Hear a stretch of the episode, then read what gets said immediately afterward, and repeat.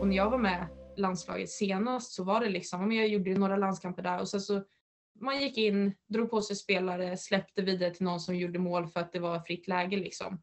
Eh, och då blev det istället, istället för så här, ja men bra spel så blev det lite mer så här, ja men eh, gå där med själv, kör där med själv. Bara fast vadå?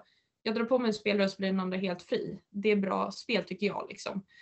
Och då blir det väldigt jobbigt när man själv har den inställningen liksom att ja, men vad rätt val är enligt mig jämfört med vad tränarna tycker att man ska bara köra, man ska bara köra liksom.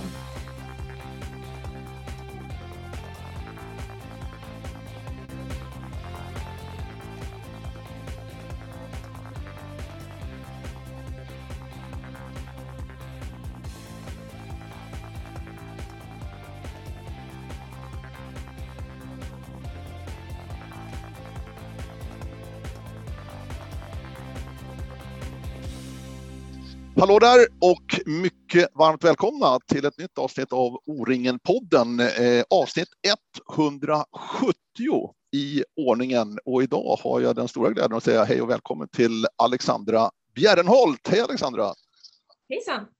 Hur är läget denna morgon? För det är ganska tidigt du och jag träffas här digitalt. Jo men det är bara bra. Eh, tycker att det är skönt att det börjar tina lite ute så snön försvinner faktiskt. Gillar inte du snö? Ah, inte som det är nu med massa is under och fram och tillbaka utan det kan vara antingen snö eller antingen barmark. Så är det. Du Alexandra, vi ska prata orientering, vi ska prata handboll, vi ska prata hästar och eh, en hel del annat tror jag verkligen för Alexandra Bjärrenholt. Eh, jag läste någon intervju med dig i någon tidning här eh, i min lilla researcharbete inför det här träffen med dig i O-ringen-podden och där sa du att du fortfarande presenterar dig som orienterare. Det tycker jag var väldigt, väldigt spännande. Ja, men alltså jag är ju det i grund och botten och det är ju det som har varit, ja, men, hela uppväxten egentligen så har man ju varit orienterare men som har hållit på med handbollen. Sen har det ju blivit att ja, ju äldre man blev så har det ju kanske blivit mer och mer handboll. Men det är egentligen inte först kanske man blev ja, 21, 22 kanske som det blev enbart handboll liksom. Eh, och I och för sig, det är ju några år sedan nu, men eh, ja, eftersom att man har så himla stor del, det är nästan 15 år av ens liv där man ja, tyckte att man själv bara var orienterare liksom. Så det hänger kvar fortfarande. Jag tycker det är lite spännande för att du är ju ändå en av Sveriges absolut bästa handbollsspelare på, på damsidan och ändå känner du att det här orienteringen sitter kvar sedan din ungdom då du var extremt framgångsrik också. Jag tycker det är väldigt häftigt. Ja, Nej, men det är så. Det är som sagt det man har med sig från när man var yngre. Det ja, hänger med som sagt. Du, eh, hur började allt det här? För idrott verkar ha varit en stor del av ditt liv då, och framförallt orientering och handboll. Men din uppväxt lite grann och din bakgrund och din familj, har det något med saken att göra?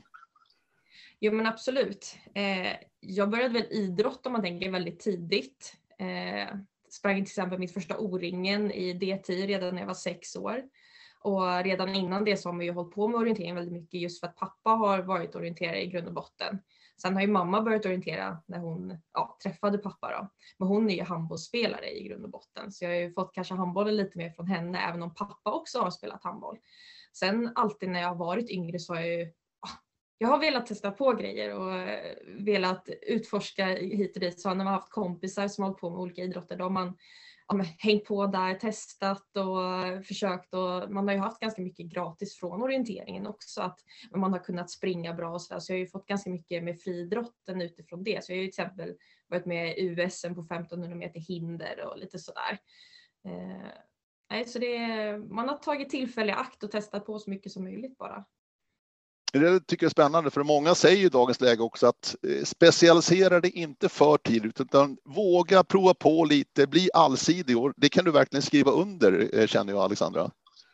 Jo men verkligen, jag tror att det där är jätteviktigt och jag hade ju sån himla tur för att jag spelade handboll i en ganska liten klubb, Rimbo HK, när jag var yngre. Och då hade man ju kanske lite mer överseende med att jag höll på mer med orienteringen och sådär. Medan kanske om man kommer till en större klubb, då vill de ha mer fokus enbart på, om man säger handboll eller fotboll eller vad som helst du kan hålla på med. Liksom. Men jag hade ju väldigt tur då och hade en väldigt bra tränare så ja, när de andra kanske körde mer fys med men då kunde jag ju köra orienteringen hela tiden. Eh, så det var ju kanske lite tur liksom att man fick den möjligheten utifrån de tränare som man hade runt omkring sig.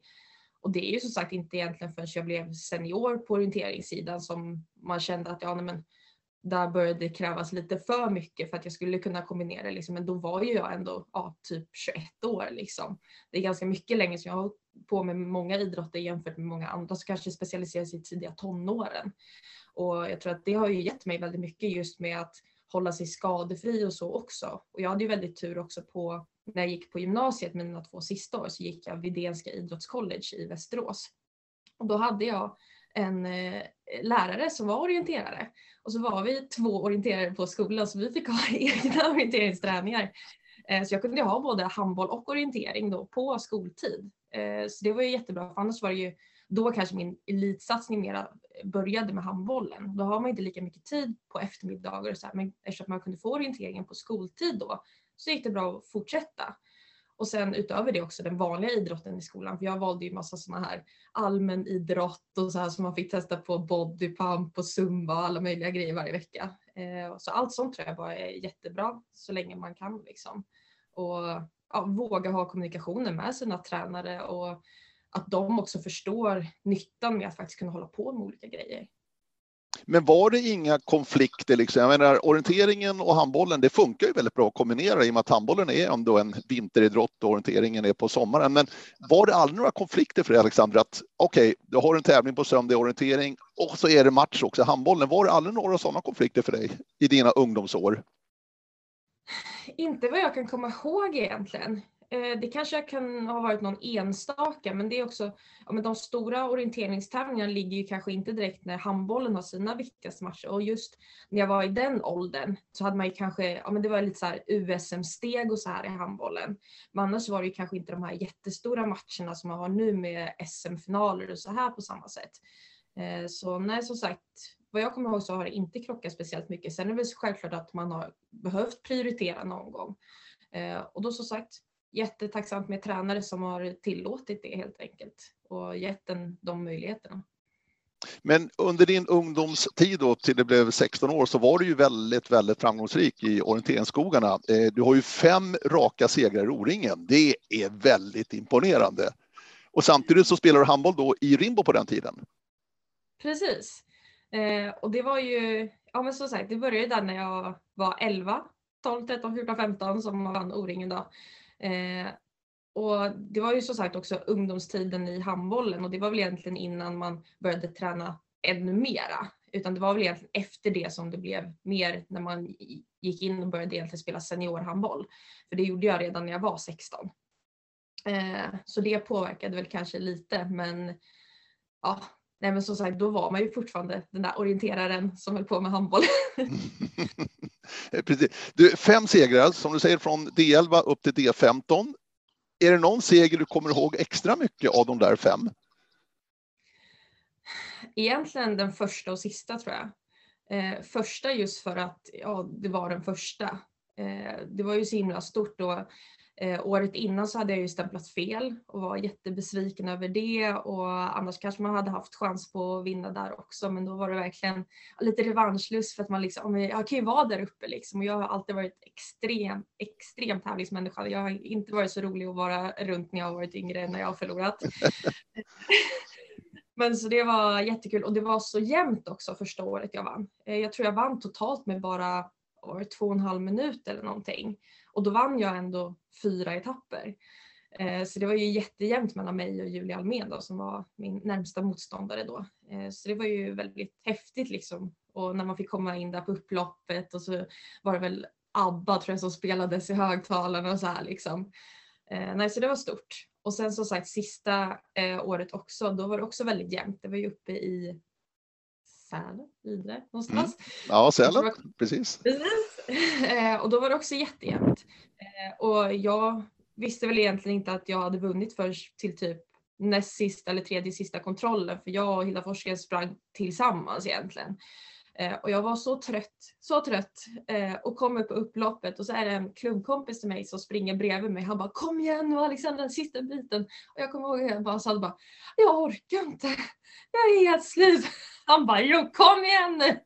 Och då var det liksom på upploppet, det var liksom inte långt kvar. Jag var bara jag är helt slut. Så när man kom i mål så var man ju bara ja, la sig ner och var helt slutkörd. Men eh, ja, det var väldigt laddade vinster om man säger så. De andra tre var ju kanske lite mer säkra om man säger så. Så de kanske man, man kommer ihåg vissa delar av det men kanske inte lika starkt som första och sista. Vad betyder O-ringen för dig under de här åren så att säga? För att det är ändå, det är familjen, det är kompisar. Hur stort och viktigt var det för dig Alexandra att åka på O-ringen varje sommar? Men det var jätteviktigt, precis som du säger med om en, utöver tävlingarna även allting runt omkring. Och sen också kanske att O-ringen är väldigt stort just när man är ungdom också för att när man är kanske 10, 11, 12 liksom, då kanske man inte möter Sverige-eliten så pass ofta som man kanske gör när man börjar bli junior och senior och man kommer iväg på ja, men, olika elittävlingar. Liksom. Men annars var det ju den här gången på år man hade chansen att liksom visa att ja, men, är man bäst i Sverige liksom. Det klingade ganska högt liksom. Och som sagt tävlingsmänniska som man var så det var ju verkligen mycket press på en liksom som jag tyckte var roligt då. Och sen utöver det då få de här, ja, men, träffa alla kompisarna, se hur det går för dem, eh, ja, tycka att det är roligt när det går bra för de andra, man känner överhuvudtaget, fira tillsammans med klubben, eh, allting runt omkring på, eh, på C-orten och allting. Eh, det blir lite av en livsstil den veckan liksom som man ser fram emot hela tiden.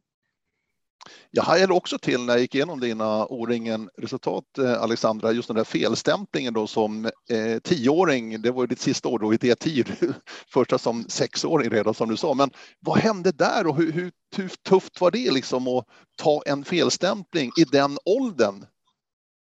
Men det var eh, faktiskt jättetufft för jag, men som sagt, väldigt tävlingsinriktad. Så direkt när jag hade sprungit så gick jag alltid till resultattavlan för att se var jag skulle ligga liksom.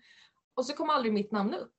Och jag blev bara så här, jag har ju sprungit bra, varför är jag inte bland topp, ja jag vet inte hur många det är på de där listorna då. Och så bara väntade, väntade och sen kom väl pappa i mål också. Så gick jag till honom och bara, men pappa jag står inte på listan, det är något som har hänt. Och så går vi och kollar, men då står ju jag som felstämplad. Och jag bryter ihop där och gråter och vi går och kollar där vid sekretariatet vad som har hänt. Och, men då är det ju eh, ja, jag vet inte om det var så här sexan, sjuan, åttan eller någonting som typ ligger lite på rad på en sträcka liksom. Eh, och jag har ju alltså sprungit typ fram till sjuan, eller vilken kontroll det nu var, och tänkt att ah, här ska jag stämpla. Och sen har jag kollat på definitionen och bara nej, det är det inte. Jag ska ha något annat nummer. Och sen har jag bara sprungit vidare till nästa kontroll för jag har liksom redan ja, men tänkt att jag ska vara vidare till åttan eller någonting. Eh, och det var kanske det som var så frustrerande också för att det var liksom jag har varit där. Jag har bara inte satt ner pinnen. Eh, så det tog ju hårt liksom. Men sen, eh, ja, man, det var väl bra läropeng också liksom att man, eh, ja, så går det ibland. Och det är ju tråkigt just när det blir på en så pass stor tävling som man sett fram emot så himla mycket och liksom som ändå har varit en del av en sommar ganska många år redan. Men eh, ja, nej det var tråkigt men eh, som sagt revansch året efter så det fick man nöja sig med. Har du felstämplat någon gång efter det där eller? Eh, ja, det har jag. Eh, inte just på O-ringen men vi har ju distriktsmatchen mellan eh, olika distrikt här. Eh, och då hade jag en liten tung höst när jag tror jag stämplade fel tre helger i rad. Oj! Ja, eh, inte min bästa höst om man säger så. Eh, och det är också en sån där himla, för det var på sprinter allihopa tror jag. Eh, och då var det ju så här, men vi hade chans att slå Dalarna på distriktsmatcher för de Stora Tuna fick inte vara med eller vad det var. Och så var det, men jag skulle ju visa vägen och vinna min klass för att jag var ju duktig och så här. Och så går jag och stämplar fel. Och så kommer det typ veckan efter så har vi någon sprinttävling här hemma i Uppland. Och så är det samma där, jag springer till fel sista kontroll tror jag eh, som ligger på vägen till min sista liksom. Och jag tänker bara, ja ah, det är sista, jag spring. Så bara felstämplar igen.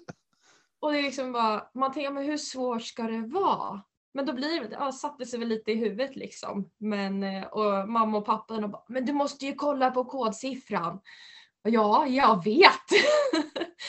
men eh, ja, det lärde man sig nog av också. Men det är de tre tävlingarna och sen som sagt O-ringen som jag kommer ihåg att jag har samplat fel. Eh, klantigt men eh, ja, någonting lär man sig väl alltid. Det gör man säkert. Du, eh, du sprang O-ringen upp till D6 och sen hittade inte några resultat. Har du inte sprungit O-ringen sedan dess eller? Eh, nej men precis, för när jag var 17 så åkte jag till USA ett år. Eh, så då missade jag O-ringen det året. Sen när jag kom tillbaka så kommer jag inte ihåg om jag sprang, men sen har jag sprungit någon gång i D20-klassen. Eh, gick inte lika bra då.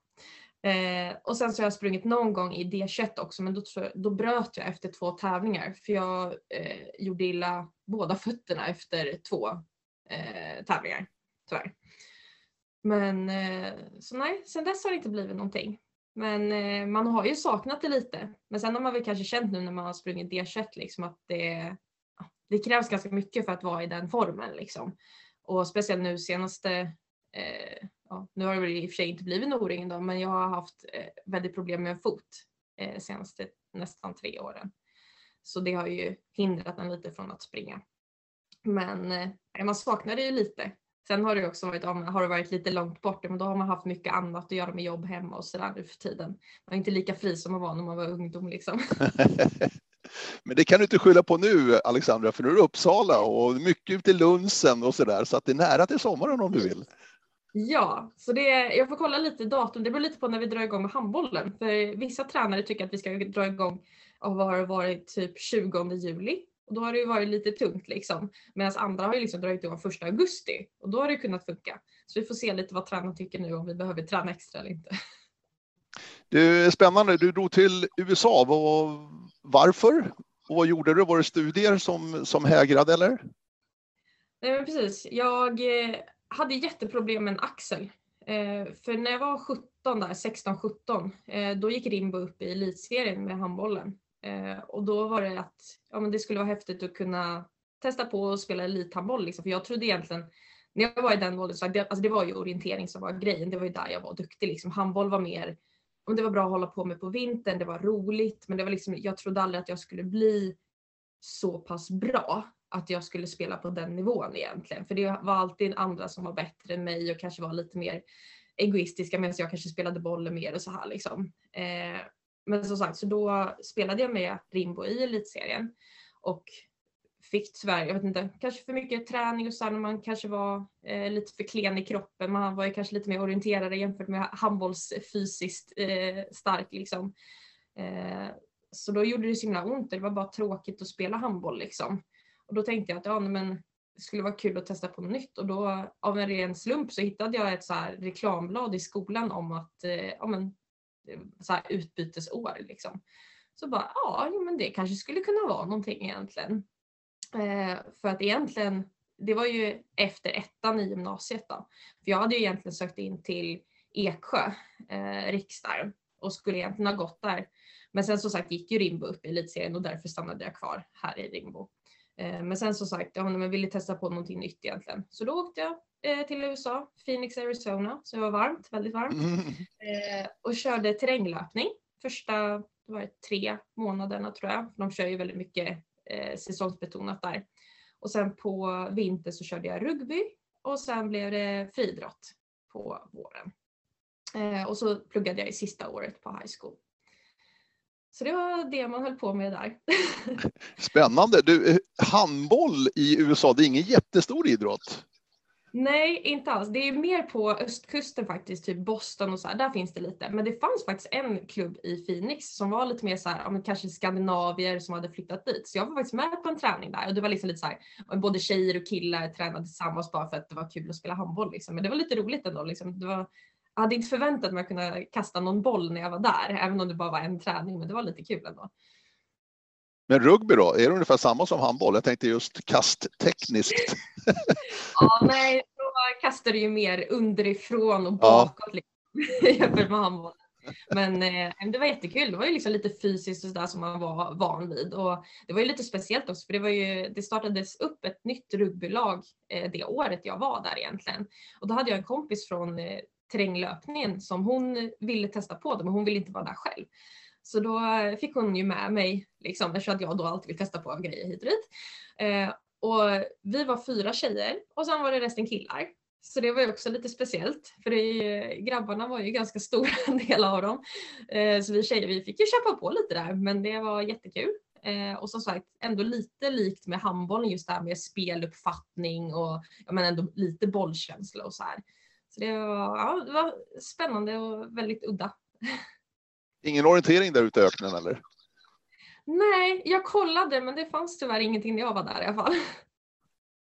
Du, eh, vad tar du med dig från det här året i USA? Vad, vad, liksom den erfarenheten, hur viktigt och vad betyder det för dig egentligen att vara iväg ett år så där i USA? Men jag tror, hade jag inte varit där, då hade jag ju nog inte spelat handboll idag. Du tror inte det? Just, nej, eftersom att jag hade, alltså jag hade så himla problem med axeln så jag kunde ju inte ens lyfta den. Alltså att ta av sig en tröja var liksom pain. Eh, och hade jag bara fortsatt med det då hade jag ju tröttnat på handbollen. Liksom. Bara för att men det är inget kul att göra någonting när du har ont hela tiden när du gör det. Men då när jag liksom kom dit, ja, men då fick jag axeln vila nästan ett år. Visst, jag kastade ju lite spjut och sådär, men det blir en helt annan rörelse ändå jämfört med handbollen. Och sen när jag kom tillbaka så man hade, var ju kanske lite stel i axeln och så här. Men det var inte den smärtan som jag hade haft sedan innan. Så då blev det ju mer överkomligt, man kunde rehabba bort det lite så här liksom. Så ja, men sagt, hade jag inte varit där så hade jag inte spelat handboll. För då hade skadorna satt stopp eh, tidigare tror jag, just med den mentala biten, liksom, att jag inte hade orkat köra. Så att jag, som sagt, tävlingsmänniska även där. Jag, jag vill kunna prestera på topp. Jag vill inte bara gå där och tycka att det är kul att passa en boll, liksom, utan man vill kunna spela på det sätt man vill. Och hindrar skadorna en från att göra det, då blir det inte lika roligt heller. Och axeln, har den besvärat dig fortsatt i karriären någonting eller är det ett minne blott? Eh, sen jag flyttade hem nu och började rida mer så har jag nästan inte haft några problem alls med den. För då sitter man och jobbar med axlarna eh, flera timmar varje dag. Liksom. Sen är det ju alltid att om man blir man dragen i axeln eller någonting så är det ju såklart att man kanske känner av den några dagar eller om man ramlar på den och sådär. Men eh, nej sagt, jätteskillnad. I Västerås när jag spelade där så var det kanske lite mer eh, just när man kom tillbaka efter sommaruppehåll och var lite ovan med att kasta boll och sådär. Men då fick man köra lite värme, lite extra rehab och sådär så gick den hyfsat bra. Men som sagt, mina år nu i Skuru så är det väl nästan ingenting så gott som. Så det är jätteskönt verkligen. Men efter det där eh, året då i USA, Alexandra, så sen så blev det fokus på handbollen rätt tydligt när du kom tillbaka. Du var i Västerås då och hade lite orientering också på gymnasiet där som du, som du berättade, men det blev mer och mer fokus på handbollen. Precis. Eh, det var det som var lite kul då för att egentligen när jag kom hem från USA så skulle jag plugga på Celsius i Uppsala, bara köra orientering. Eh, men då hörde ju Frände Båvrud av sig som mm. då är tränare för Västerås. Och då var det det att innan jag åkte till USA så hade jag följt med en kompis på en provträningsdag i Eskilstuna för Guif alltså, där han tränade innan. Så återigen då att jag, jag hängde på en kompis som skulle göra någonting. Eh, och de blev ju lite ja, varför ska du utomlands för? Varför kan du inte vara, eh, stanna här och spela här istället? Vi vill ha hit dig. Jag bara, nej men jag ska till USA nu, liksom. det är redan bestämt. Jag hade ont i axeln och allting, även om de kanske tyckte att man spelade bra ändå. Eh, men då som sagt, när jag kom hem så hörde han av sig och ville ha dit mig på en provträning. Jag hade inte rört en boll på ett år liksom. Eh, kommer dit, eh, ja, kör väl en eller två provträningar tror jag och sen vill ju de signa mig liksom. Så då blev det ju till att ja, det blev ju lite så här också eftersom att när jag i sådana fall skulle skriva på för Västerås, då skulle man kunna börja få lite pengar för att spela handboll också. Det var inte mycket för man var så här junior och ungdomsspelare liksom, men det var ändå liksom så här, eh, om man jämför dem med orienteringen som var mer att jag alltid definierat mig själv som en orienterare, men det har också varit så här, det är, en, det är en hobby, det är ingenting jag kan leva på egentligen har jag tänkt. Och då när man liksom har handbollen då som, ja nej men alltså jag kan ju liksom börja få lite pengar, någon liten fickpeng i månaden liksom det hade ju varit kul. Testa på det liksom. Det hade ju varit häftigt att liksom kunna få pengar för sin idrott liksom. Bara en sån grej. Eh, så då sagt, skrev på där, tackade nej till Celsius, flyttade till Västerås. Och ja, sen blev det ju mer och mer liksom, för det var ju liksom lite mer elitklubb jämfört med Rimbo då, som är lite mer den lilla klubben och tog de spelare som fanns lite mer. Så då blev det ju mer och mer eh, fokus där på handbollen, även om kanske första året tillbaka var ju kanske lite tufft eftersom man, man tappar ju timing och allting när man inte har spelat handboll på så pass länge. Men det, man kämpade på och just eftersom man fick ha orienteringen på skolan också så var det ju kul för då behövde man inte ha all fokus på handbollen att ah, nej, men det kanske inte gick så bra. Men då, ja, men då kunde man orientera lite ändå och det var ju ändå kul liksom. Och det gick ju ganska bra då också. Så eh, ja, så gick det. Du, eh, det blev några säsonger då i Västerås Irsta för dig i eh, handbollsligan. Eh, och tog, kände du själv också att du tog kliv för kliv och fick större och större förtroende och spela mer och mer? Var, var det väldigt tydligt för dig?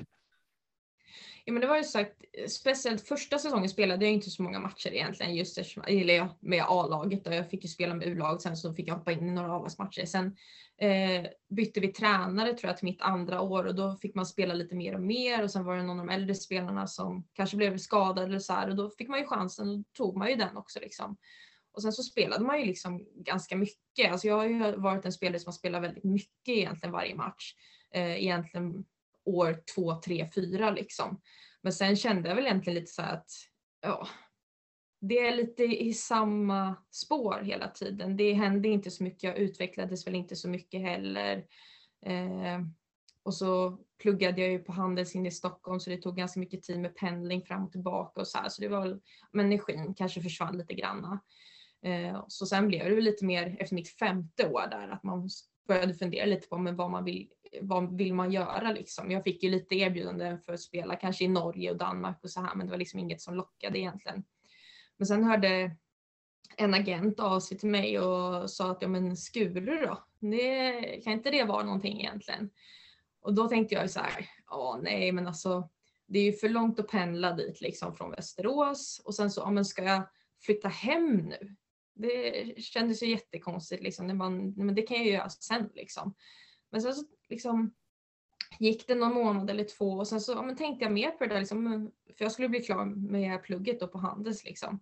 Så bara, jaha, men ja, vad vill man göra egentligen då liksom? Och då började liksom bitarna falla plats för jag hade med mig två eller tre hästar i Västerås också under den här tiden så jag red lite så här när jag hade tid och så här. Ehm, då var det, ja, men det var det jag tyckte var roligt också, att rida och så. Ehm, så då blev det så här, ja men tänk om man då flyttar hem då, spelar i Skuru, det blir ganska lång pendling dit också men då har man ändå jobbet på hemmaplan liksom. Och så rider man lite och så kunde jag jobba lite för mamma som jobbar med bokföring då, vilket är det som jag har pluggat till. Liksom. Eh, så då blev det så helt enkelt. Så egentligen från att typ så här, ja, men jag vet inte riktigt vad jag ska göra, jag kanske ska lägga av med handbollen för att det var liksom så här, hände inte så mycket mer. Till att, ja nej men nu nytändning liksom, ny klubb och nytt ställe och allting liksom. Och, och ja, det var ju starten på Skuru-karriären kan man säga.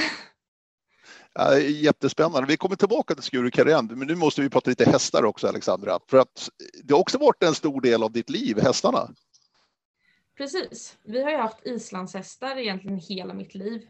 Eh, så länge jag kan minnas egentligen. Vi hade ju, när jag var allra yngst, jag har sett kort på att vi hade någon shettis och så här, men det är inget jag kommer ihåg själv, utan det är islandshästarna jag kommer ihåg liksom mest. Eh, och när vi var yngre då var det mer att vi hade för att rida och tycka att det var kul och så här. Men sen nu sen eh, vi köpte våran eh, topphings nu 2009, så sen dess kan man ju säga att vi har satsat liksom ordentligt. Och vi födde ju upp islandshästar och tränar och säljer helt enkelt. Så det är det jag jobbar med nu. Så det är jag som har ansvaret egentligen för träningen och det och se till så de är tillräckligt bra för att kunna säljas till ryttare som vill ha bra ridhästar. Men du, en topphingst, vad innebär det? ja, eh, det är alltså eh, just islandshästar gör man ju så avelsvisningar på, alltså utställning kan man tänka. och när vi köpte honom då var ju han eh, topp fem bedömda hingstar i världen tror jag. Mm. Eh, så han var ju riktigt bra liksom. Eh, så då köpte vi honom, hade några bra ston och började därifrån liksom. Och han är ju fortfarande en av världens högst bedömda. Så det är riktigt bra klass på honom. Men vad, vad är det för bedömning då? Alltså islandshästar för mig, det enda jag vet liksom att de har, de har en extra gångart då, tölten. Eh, men vad är det för bedömning man gör så att säga? Är det för att kunna Säljaren till ett ännu bättre pris att säga, att den har alla kvaliteter och allt som en islandshäst ska ha, eller vad handlar det om? Det är ju mer kvaliteterna inom de här olika eh, kvaliteterna om man säger. För om man tänker en avelsvisning, den är uppdelad i två delar, exteriörvisning och ridegenskapsvisning. Så exteriören, då får man poäng för eh, till exempel hur eh, kroppen är byggd, hur hovarna är, hur benen är, ja allt sånt där egentligen hur bra de håller som att vara ridhästar egentligen. Medans, usch, ursäkta. Eh, ridegenskapsmässigt då har vi ju som sagt eh, tölten men även pass. För islandshästar kan ju vara antingen fyra eller fem gånger. Och då är det ju, får de poäng utifrån hur bra de gångarterna är. Eh, så till exempel det eh, räcker ju inte att bara visa tölt utan det gäller att det är rätt takt, eh, bra hållning, bra energi, bra tempo. allting runt omkring också. Så då får man ju poäng från 5 till 10 då. Och då våran hingst här, och han är ju bedömt till totalt 8,73 vilket är mm. väldigt högt. Så så går det till. och det är det vi håller på med mest. Vi tävlar inte så mycket med dem eh, egentligen för jag, jag har inte tid för det. Eh, men just avelsvisning vi, gör vi ju för att visa att ja, vi har bra avel och man ska kunna sälja dem för mer och så här. Så nu 2020 så blev vi faktiskt eh, årets uppfödare i Sverige. Mm. så det var väldigt roligt och lite kvitto på det arbete man lägger ner. Men, men islandshästarna, vad, vad används de till? Så du säger att man kan tävla med dem. Ja, absolut, men liksom islandshästen, sätta in i ett sammanhang. Så att säga. Den är inte ute på travbanorna så mycket, vad jag vet. Nej precis, utan det är ju egna islandshästtävlingar där man tävlar i gångarter. Så till exempel, då finns det töltklasser där du ska visa till exempel långsam tölt, ökad tölt, tempoväxlingar till exempel. Och sen finns det ju rena eh, passgrenar där du egentligen ska springa pass så snabbt som möjligt. Så det är ju liksom ett passrace kan man säga. Eh, och sen så är det ju de här fyrgång eller femgång som man kan tävla med beroende på eh, hur många gångarter din häst har. Eh, så det är ju så att renodlade islandshästtävlingar. Sen kan man ju tävla dem i eh, till exempel hoppning eller dressyr eller så, men det kanske inte är lika vanligt utan då kanske man har en vanlig häst istället. Men den här verksamheten som ni då driver med att eh, avla och ta fram eh, islandshästar, hur, hur stor är verksamheten? Så att säga? Hur många hästar handlar det om i, i liksom ert, säger man stall kanske? Precis, stall ja. ja. Eh, läget har vi eh, 60-65 stycken tror jag. Oj, oj, oj däremellan. Det beror lite på hur många som säljs och hur många som föds. Så där. Vi får ju drygt 10-12 föl varje år. Så det pendlar ju lite allt eftersom under året. Liksom. Eh, så det är ju ganska stort. Men det är ju positivt just att de är islandshästar för de går ju ute året runt egentligen och många av dem är ju egentligen bara unghästar som man tittar till dem och ger dem mat och vatten så ska de ja, växa tills de är tillräckligt gamla för att jag ska rida in dem egentligen. Hur är de till kynnet, de här islandshästarna, du som kan hästar Alexandra? De är väldigt trevliga, de flesta av dem i alla fall. Men det, det beror också lite på eh, mamman och pappan då som man avlar på, liksom, om de är väldigt pigga eller kanske lite lugnare så här. Och det beror ju lite på vad man vill avla fram själv också. Eh, vi försöker ju ha lite blandad variation på vad vi avlar fram just för att kunna möta eh, ja, efterfrågan från olika slags ryttare egentligen. Men du gör liksom allting, inte bara den här bokföringen som du pratar om, utan du är ute i stallet och ryktar och håller på med hästarna dagligen. Ja, eh, just nu har jag faktiskt inte hållit på med bokföringen någonting egentligen senaste, vad blir det, tre, fyra åren. Det var mitt första och andra år i Skuru. Då höll jag på mer med det, men sen så blev det ju, ah, jag tycker det är roligare med hästarna och då har det blivit mer med det liksom. Eh, sen är det alltid lite kul när folk frågar så här, ah, men vad har du pluggat? Lite så här, ah, men jag pluggade redovisning och finans på Handelshögskolan. Och sen så frågar de, ah, vad jobbar du med då? Jag rider hästar. eh, så det brukar vara lite otippat, men det, det går runt. Eh, sen kanske man inte tjänar jättemycket på det, men eh, tillräckligt för att det som sagt ska gå runt och man kan ändå göra lite grejer så. Så det njuter man av det man gör så är det bara kul. Och det är en verksamhet eller en sysselsättning som du kan kombinera väldigt väl också med din satsning på handbollen. Jo men precis, eh, så det är ju det. När jag går upp på morgonen så går jag ut och rider, fixar hagar, gör det som behöver göras och sen så eh, är det lunch vid oftast klockan ett och sen så antingen hinner jag kanske med någonting till eh, efter lunch eller så åker jag iväg på träning beroende på om vi har sen eller tidig träning. Eh, det tar ju lite tid för mig till träningsknappen när vi börjar 16.30 träningarna. Då måste jag ju åka hemifrån 14.30. För jag pendlar ju liksom med buss eh, till södra sidan av stan så det tar ju lite tid. Men eh, ja, så ser mina dagar ut. Mm. Ja, vi kommer nog tillbaka till det. Jag kan inte släppa hästarna lite där bara. kan det vara svårt att skiljas från någon speciell individ så där, som man tycker extra mycket om när den liksom ska gå iväg till en ny ägare? Alltså, de som vi tycker mest om, de sparar vi ju faktiskt. Ja, okej. Okay. då, får, då får de vara kvar själva i avel liksom. Men annars så, det är bara kul egentligen att hitta ägare till våra hästar som man vet kommer uppskatta dem lika mycket som vi gör. Och det är också så men vi har väldigt många hästar. Eh, vi har inte tid att faktiskt lägga ner hur mycket tid som helst på varje häst varje dag. Men då vet man att om hittar vi en bra ägare så kommer den ha tid att lägga ner på den här hästen och verkligen uppskatta och göra grejer tillsammans med den och faktiskt kunna uppskatta mer än vad vi nästan har hunnit göra med tanke på ja, antalet hästar och allt annat vi gör. Liksom. Så men det är ju lite en utmaning att hitta de här ägarna. Men när man väl gör det så känns det ju bara jättebra egentligen att få följa dem sen och man brukar få lite uppdateringar hur det går, vad man har gjort och vad de har lärt sig och så här. Så det är, nej, men det är jättekul, även så att vissa är ju lite jobbigare att skilja sig ifrån. Du, eh, eh, du måste ju bara eh, höra med dig här, du som kan hästar Alexandra. Jag har hört någonstans, jag vet inte om det är en myt eller inte, men en, man ska aldrig ha en häst bara, man ska ha minst två hästar. Är det någonting du kan skriva under på? Att en häst ska inte vara ensam? Nej precis, för de är ju flockdjur. Eh, så är de helt själva, då det är ju helt onaturligt för dem. Så för att de ska må bra så behöver du ha minst två stycken. Liksom. För det, är, det sociala med oss människor är inte på samma sätt som när du har en häst i hagen. Liksom. Det är ju, ja, samma sort liksom om man säger, få mer utbyte av varandra. Så det stämmer. Bra, fick jag det bekräftat, suveränt. Du, eh, du bor ju uppe i Roslagen, eh, Alexandra, i närheten av Norrtälje. Ja, eller mittemellan Rimbo och Norrtälje. Ja, just det. I alla fall Roslagen kan man väl säga, va? Är det inte det? Ja. Och som du säger, du spelar i Skuru alltså. Ni håller till nere i eh, Nacka eh, öster om eh, Stockholm så att det är en bit att åka och du åker inte bil utan du, du reser kollektivt och kommunalt till träningarna och matcher och annat. Det, det där är ett pussel måste det vara ändå för att få ihop allting.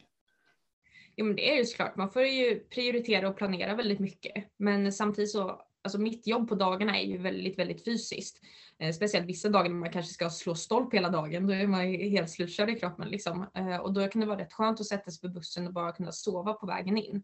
Så kanske man kan sova kanske en halvtimme, 40 minuter egentligen. Det ger ganska mycket. Och sen så eh, tar jag ju bussen då in till Tekniska och sen så byter man till tunnelbana till Slussen och sen är det buss igen därifrån till Nacka bollhall. Eh, men då hinner man ändå få den där lilla återhämtningen och sen liksom vakna till, hinna göra lite andra grejer innan man kommer till träningen. Eh, skulle jag ha kört där då hade jag inte fått vila på samma sätt och då hade man inte varit mentalt förberedd heller tror jag på samma sätt, liksom att man verkligen orkar fokusera. Så ja, det tar väldigt mycket tid men jag tror ändå att det är värt det just för mig att jag ändå har den eh, vilan liksom. Sen på vägen hem så hade det kanske varit skönt med bil för då är det inte heller några köer. För det hade man också behövt tänka på om man skulle ha tagit bilen in. Men ja, då får man kolla på någon serie eller läsa någon bok eller någonting. Passa på att göra sådana grejer som man inte hinner på dagarna annars. Går alltid bussen, tänker jag? Alltså just de här går ju väldigt bra, just de som går mellan Norrtälje och Stockholm, det är 676 så de går ju liksom var tionde, var femtonde minut liksom och det brukar ändå vara ganska bra. Det är, det är någon gång som det kanske har blivit inställt eller någonting sådär, men då är det bara smsa tränarna och säga, ja jag blir försenad.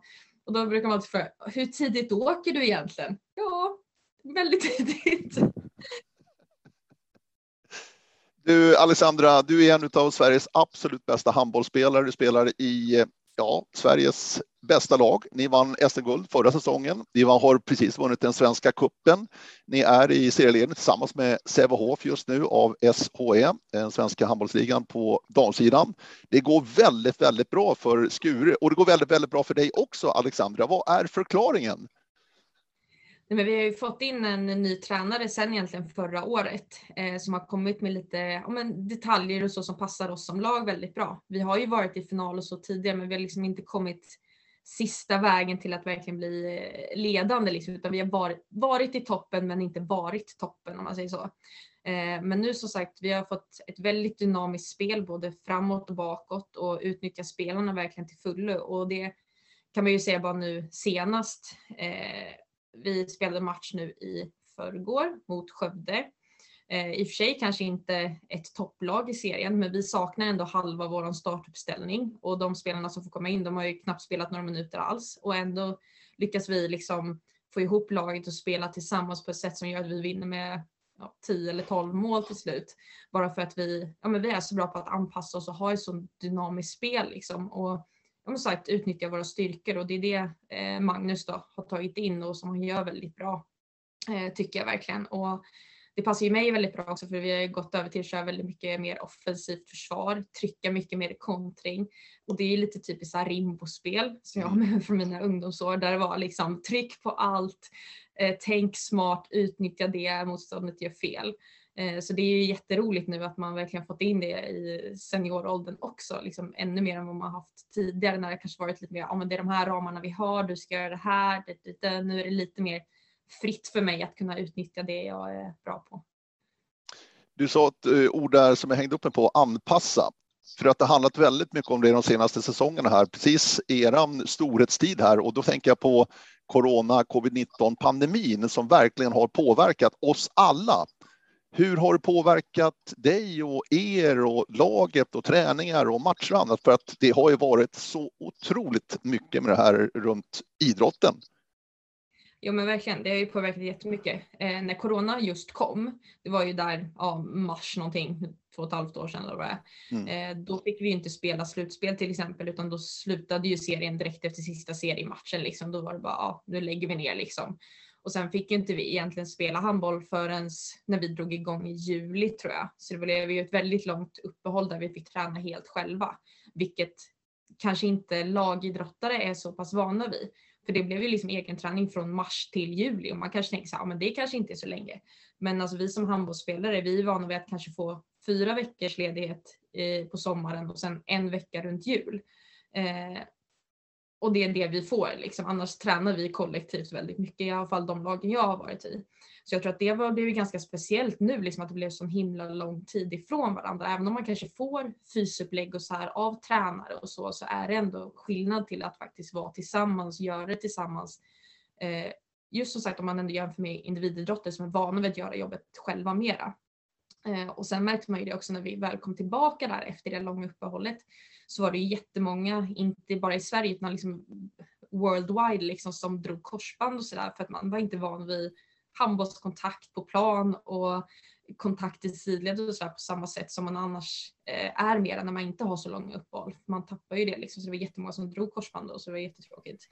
Eh, men vi hade ju tur att vi hade ju inga som gjorde det i Skuru i alla fall. Så det var ju ja, sagt skönt. Eh, sen så den säsongen sen så var det ju bara att ja, vi fick ju testa oss inför varje match och allting så att allt var på eh, den friska sidan och ingen publik och så. Det blev ju också lite speciellt men jag har inte haft så svårt att anpassa mig till det för det är kanske också lite så här individgrej att när man är van att springa i skogen och ta i av sig själv och prestera liksom och då när man är på planen så är man så inne i själva matchen så man inte tänker på det, inte jag i alla fall. Men det kan ju kanske vara skillnad för några andra som är vana vid att det enbart är så. Eh, men som sagt, så den eh, säsongen var ju lite speciell. Men sen så blev det ju ändå SM-guld till slut eh, och då var det ju mycket folk som, ah, nej men det var ju bara 10 chans att Skuru skulle vinna och hade det varit en normal säsong så hade de aldrig gjort det. Och, ja, de kom med massa ursäkter hela tiden egentligen att de hade skadade spelare och sjuka spelare hit och dit. Men vi hade ju också jättekaos i vårt lag med skador och allting och så hade vi eh, ja, hon som räknades då som en av, eller egentligen vår bästa spelare, hon valde ju att lämna mitt under ett slutspel. Eh, och då sa de ju också bara, ah, nej, men nu finns det inga vinstchanser kvar liksom, men vi går ju då och vinner allting istället. Liksom. Eh, så det var ju en väldigt speciell säsong, inte bara på grund av corona utan allt runt omkring för oss också. Eh, och sen den här säsongen har ju väl ändå varit lite mer tillbaka till det normala, lite mer publik, Eh, inga testningar och så än så länge. Sen har det ju blivit nu när den här vågen runt jul kom att vi har ju behövt flytta massa matcher och så här och invänta folk har blivit friska och sådär. där. Eh, men nu får man väl hoppas kanske att det värsta är över så vi kan eh, komma igång och spela ordentligt igen. Vi har lite laggande matcher som behöver spelas liksom, så det inte blir allt för utdraget. Men jag tänkte just på den där finalserien ni hade då mot H65 Hör när ni tog eh, SM-guldet med 3-1 i matcher.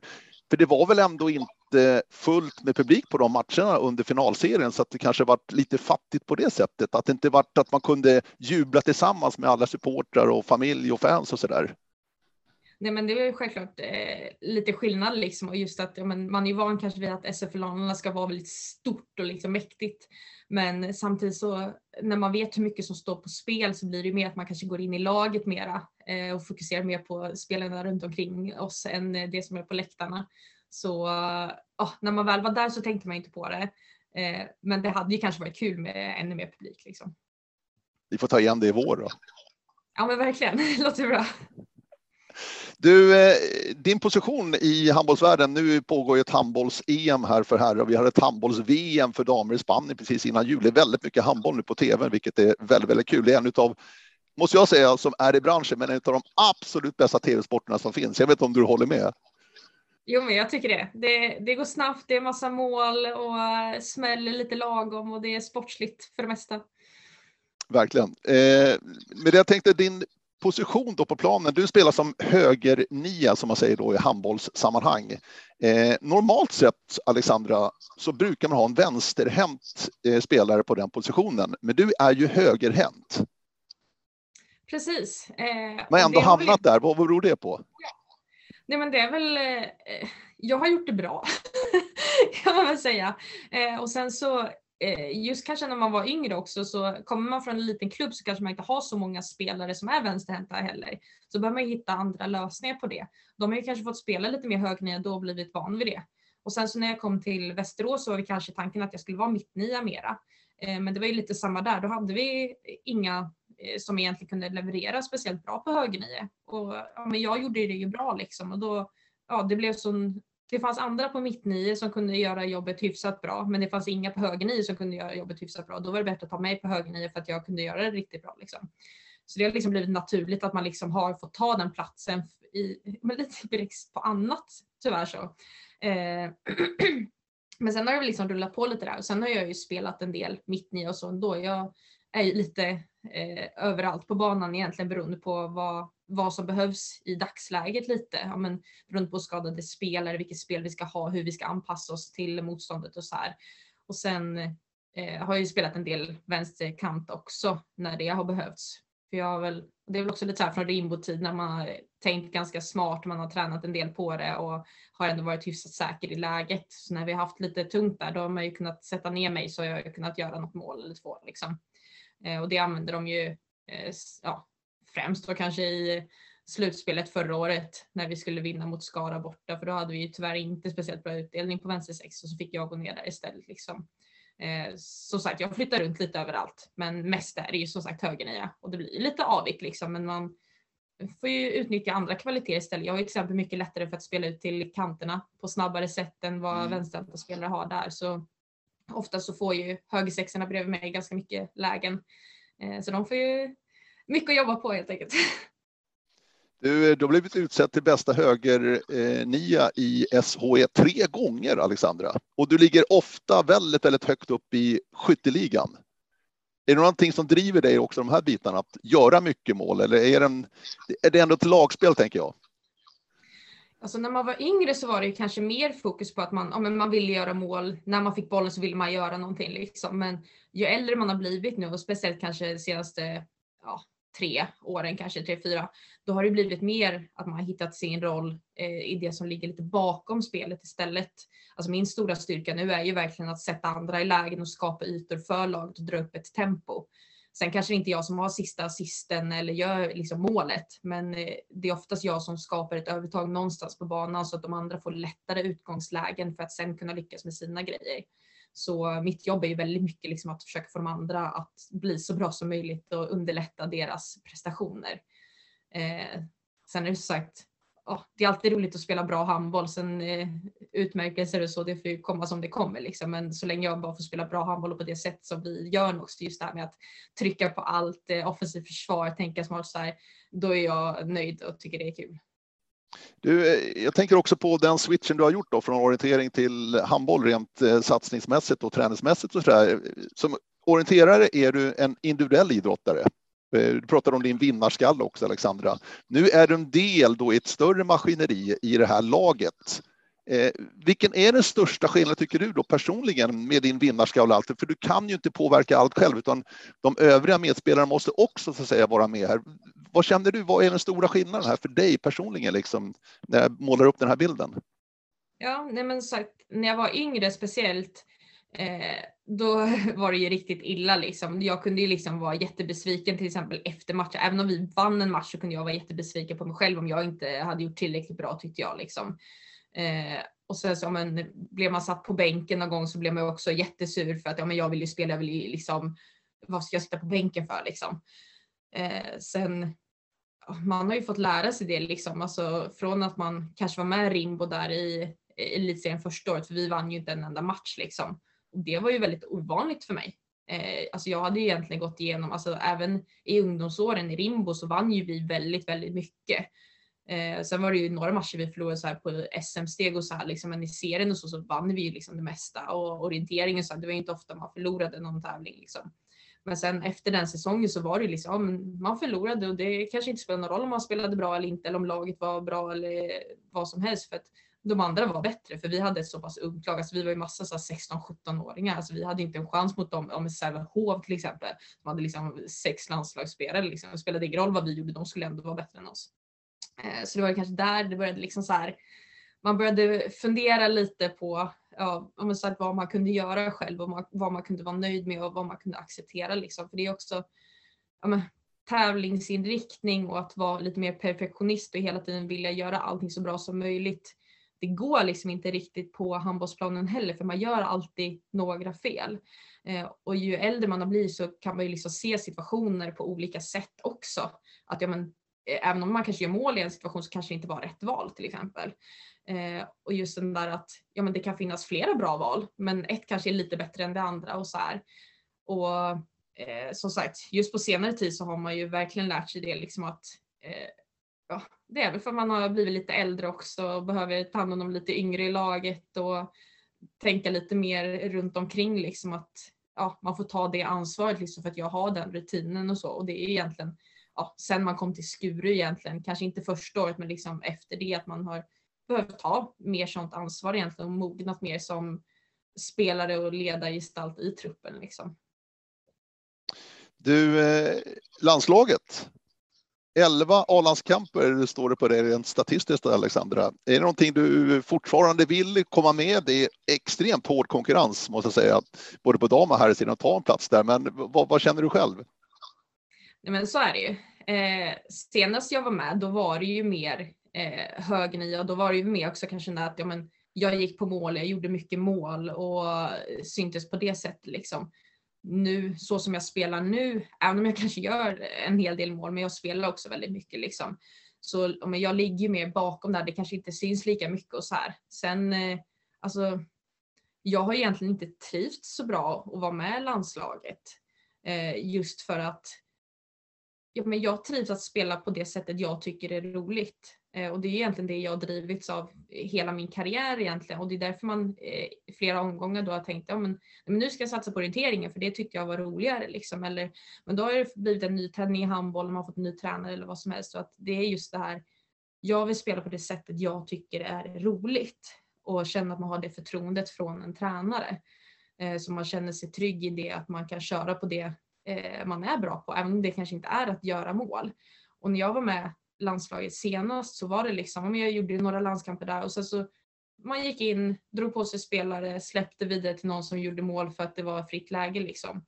Eh, och då blev det istället, istället för så här, ja men bra spel så blev det lite mer så här, ja men eh, gå där med själv, kör där med själv. Bara fast vadå? Jag drar på mig en spelare och så blir den andra helt fri. Det är bra spel tycker jag liksom. Och då blir det väldigt jobbigt när man själv har den inställningen liksom att men vad, rätt val är enligt mig jämfört med vad tränarna tycker att man ska bara köra, man ska bara köra liksom. Eh, och det är väl kanske det som om sagt har kommit när man blivit lite äldre också, att men, det är det spelet jag trivs med. Och spela tillsammans med andra, hitta varandra i det här och liksom hitta samspel. Och eh, ja, man får väl se som sagt. Tycker de att man ska vara med i landslaget så är det ju man är ju mycket säkrare i sig idag som handbollsspelare nu än man, man var när man var yngre liksom. Och vet hur jag vill spela liksom. Så då får man väl se. Eh, de får väl säga vad de tycker att man ska leverera och prestera liksom. Så får man väl se om eh, jag tycker att man själv klarar av det liksom. Men eh, ja, eh, som sagt, det finns ju många bra spelare och som kanske syns lite mer och ja, har lite mer drivet också liksom kanske. Eh, inte för att jag inte har drivet utan mer att man tänker lite smart i spelet och inte bara kötta på som sagt. Eh, men det är svårt. Alltså jag har inte pratat med den nya förbundskaptenen överhuvudtaget eh, någon gång. Så det är väl nog inte aktuellt överhuvudtaget. Utan jag trivs med att spela bra handboll i Skure så kommer det som det kommer. Thomas Axner som han heter, förbundskaptenen där på, på damsidan. Eh, Sverige gjorde ju ett bra VM då i Spanien och tog sig fram till kvartsfinalen där, men föll då mot eh, Frankrike. Men det blev ändå femma i slutspelet. Följer ändå när Sverige spelar ett VM till exempel via tvn? Jo men absolut, det är jättekul. Vi har ju några spelare i laget också som är med och det är lite extra roligt att eh, heja lite på dem och sådär och hoppas att det går bra och de får speltid och så. Så absolut. Du, du nämnde i förbifarten också för en stund sedan här att eh, du hade lite anbud från Danmark och Norge. Utlandet, är det någonting som fortfarande lockar Alexander? Jag tänker på islandshästarna och Roslagen. Det är inte lätt att lämna det där tänker jag. Nej men det är ju så. Eh, alltså som sagt, egentligen är det ju varje säsong så får man ju lite anbud och så här och speciellt ja, men, när man syns lite mer i statistiklistor och så där så får man ju alltid lite extra liksom. Men det är ju mycket som ska stämma runt omkring och man ska inte underskatta den omgivning man har runt omkring sig och hur man trivs med hur det är nu. Man ska verkligen känna att ja, men, det här går liksom inte, jag vill ha någon slags förändring på grund av någonting. Men jag trivs liksom bra med eh, familjen där jag bor, med sambon, med jobbet, med handbollen, hur vi spelar handboll. Jag känner ju nu att jag utvecklas jättemycket på handbollsträningarna. Liksom. Tycker att det är roligt att gå ner varje gång. Liksom. Och sen är det ju såklart att ja, men, jag skulle ju tjäna mycket mer pengar om man eh, gick utomlands till exempel. Men det kanske inte är det som är det viktigaste heller. Och hade det varit det, då hade jag inte jobbat med hästar heller. Då hade jag ju suttit på bank någonstans. Liksom. Utan man ska ju verkligen ja, göra det man mår bra av. Sen behöver det ju gå runt liksom, men eh, det brukar lösa sig. Och eh, men det var ju som nu senast bara, då fick jag erbjudande eh, från Danmark, en ganska bra klubb i Danmark också, om att gå dit nu mitt i säsongen. För de behövde spelare. Och jag sa bara tack men nej tack. Det, jag trivs bra där jag är liksom. Eh, sen som sagt, man utvärderar ju alltid eh, varje erbjudande som kommer liksom. Men eh, jag har ju haft mitt utlandsäventyr också just när jag var i USA och sådär. Mm. Sen att kanske vara i Danmark eller Norge som ändå har de bra eh, handbollsligorna liksom. Där det kanske är lite snabbare handboll sådär men vi spelar ju snabb och rolig handboll nu i Skuru också så det känns inte som att man behöver byta på grund av det heller. Det låter som att du värdesätter tryggheten väldigt, väldigt mycket. Ja, ja men det har väl blivit det när man ändå sagt har blivit lite äldre nu också, att man uppskattar det man har runt omkring sig och som sagt trivs man med alla delar liksom, då känns det inte så att man behöver göra någon förändring. Och som jag sa där också att alltså, varje träning känner jag att jag utvecklas på. Det vore ju annat om man kanske, men man har kanske spelat i samma lag väldigt länge, man har haft samma tränare, man känner inte att det händer någonting mer. Och det var lite så jag kanske kände i Västerås, att ja, det var liksom lite samma hjulspår där liksom. Men nu i som sagt Skuruhamn, just med en ny tränare och allting, alltså jag känner ju att mitt, speciellt det offensiva försvarsspelet utvecklar jag ju liksom eh, ja, månad till månad liksom för att det är nya grejer som faller på plats och allting. Så det är det som är så himla roligt att man utmanas på det sättet av tränarna nu. Eh, så det är jättekul faktiskt. Du, eh, vi börjar närma oss slutet här. Supertrevligt har det varit Alexandra. Du, du spelar med nummer fyra. Precis. Är det, finns det någon slags eh, skäl till det eller? Alltså, vi är ju fyra i min familj. Så okay. det, var, så jag är fjärde liksom. Mamma, pappa, stora syra, jag. Eh, så det var väl kanske liksom det första. Sen har ju det bara hängt med liksom. Inget mer än det liksom. Sen har det väl varit när man kommer ny till klubben. Eh, sånt där mitt första år i Skuru, då var fyran upptagen så då fick jag ta fem istället. Och sen året efter, då fick jag byta, då fick jag komma tillbaka till fyran. Så det var lugnt. Ja, men det är härligt. Eh, vi ser fram emot våren. Eh, om jag får tippa så tror och hoppas jag verkligen att vi får en SM-final i handboll mellan Sävehof och Skuru. Det vore fantastiskt kul att följa för att det är de två bästa lagen just nu i Sverige. Det, kan, det måste du hålla med om. Jo men verkligen. Det är ju, kollar man serien och allting så är det ju otroligt jämnt där uppe och även nu Svenska kuppen så vi slog ju ut dem efter eh, mm. ja, väldigt eh, jämna matcher kan man säga. Eh, så nej, det är väldigt spännande mellan oss två verkligen. Så det ser nästan fram emot sista seriematchen nu när vi möter dem igen. Så får vi se hur det ligger till i resten av serien då. Men det blir spännande slutspel tror jag. Exakt. Och sen blir det spännande också att se om eh, din sambo då, Johan Runesson kan få med dig Toringen i sommar i Uppsala. Det hoppas jag verkligen. Ja, precis. Vi får hoppas på det. Vi får hoppas att foten mår lite bättre och att eh, handbollsträningen inte kommit igång än. Eh, stort tack Alexandra Bjärrenholt. Fantastiskt trevligt att prata handboll, islandshästar och lite orientering också. Tack själv och hoppas ni också har eh, njutit av samtalet här med Alexandra Bjärrenholt. Hör gärna av er. Radio snabel är som vanligt adressen. Vi säger tack. Hej då!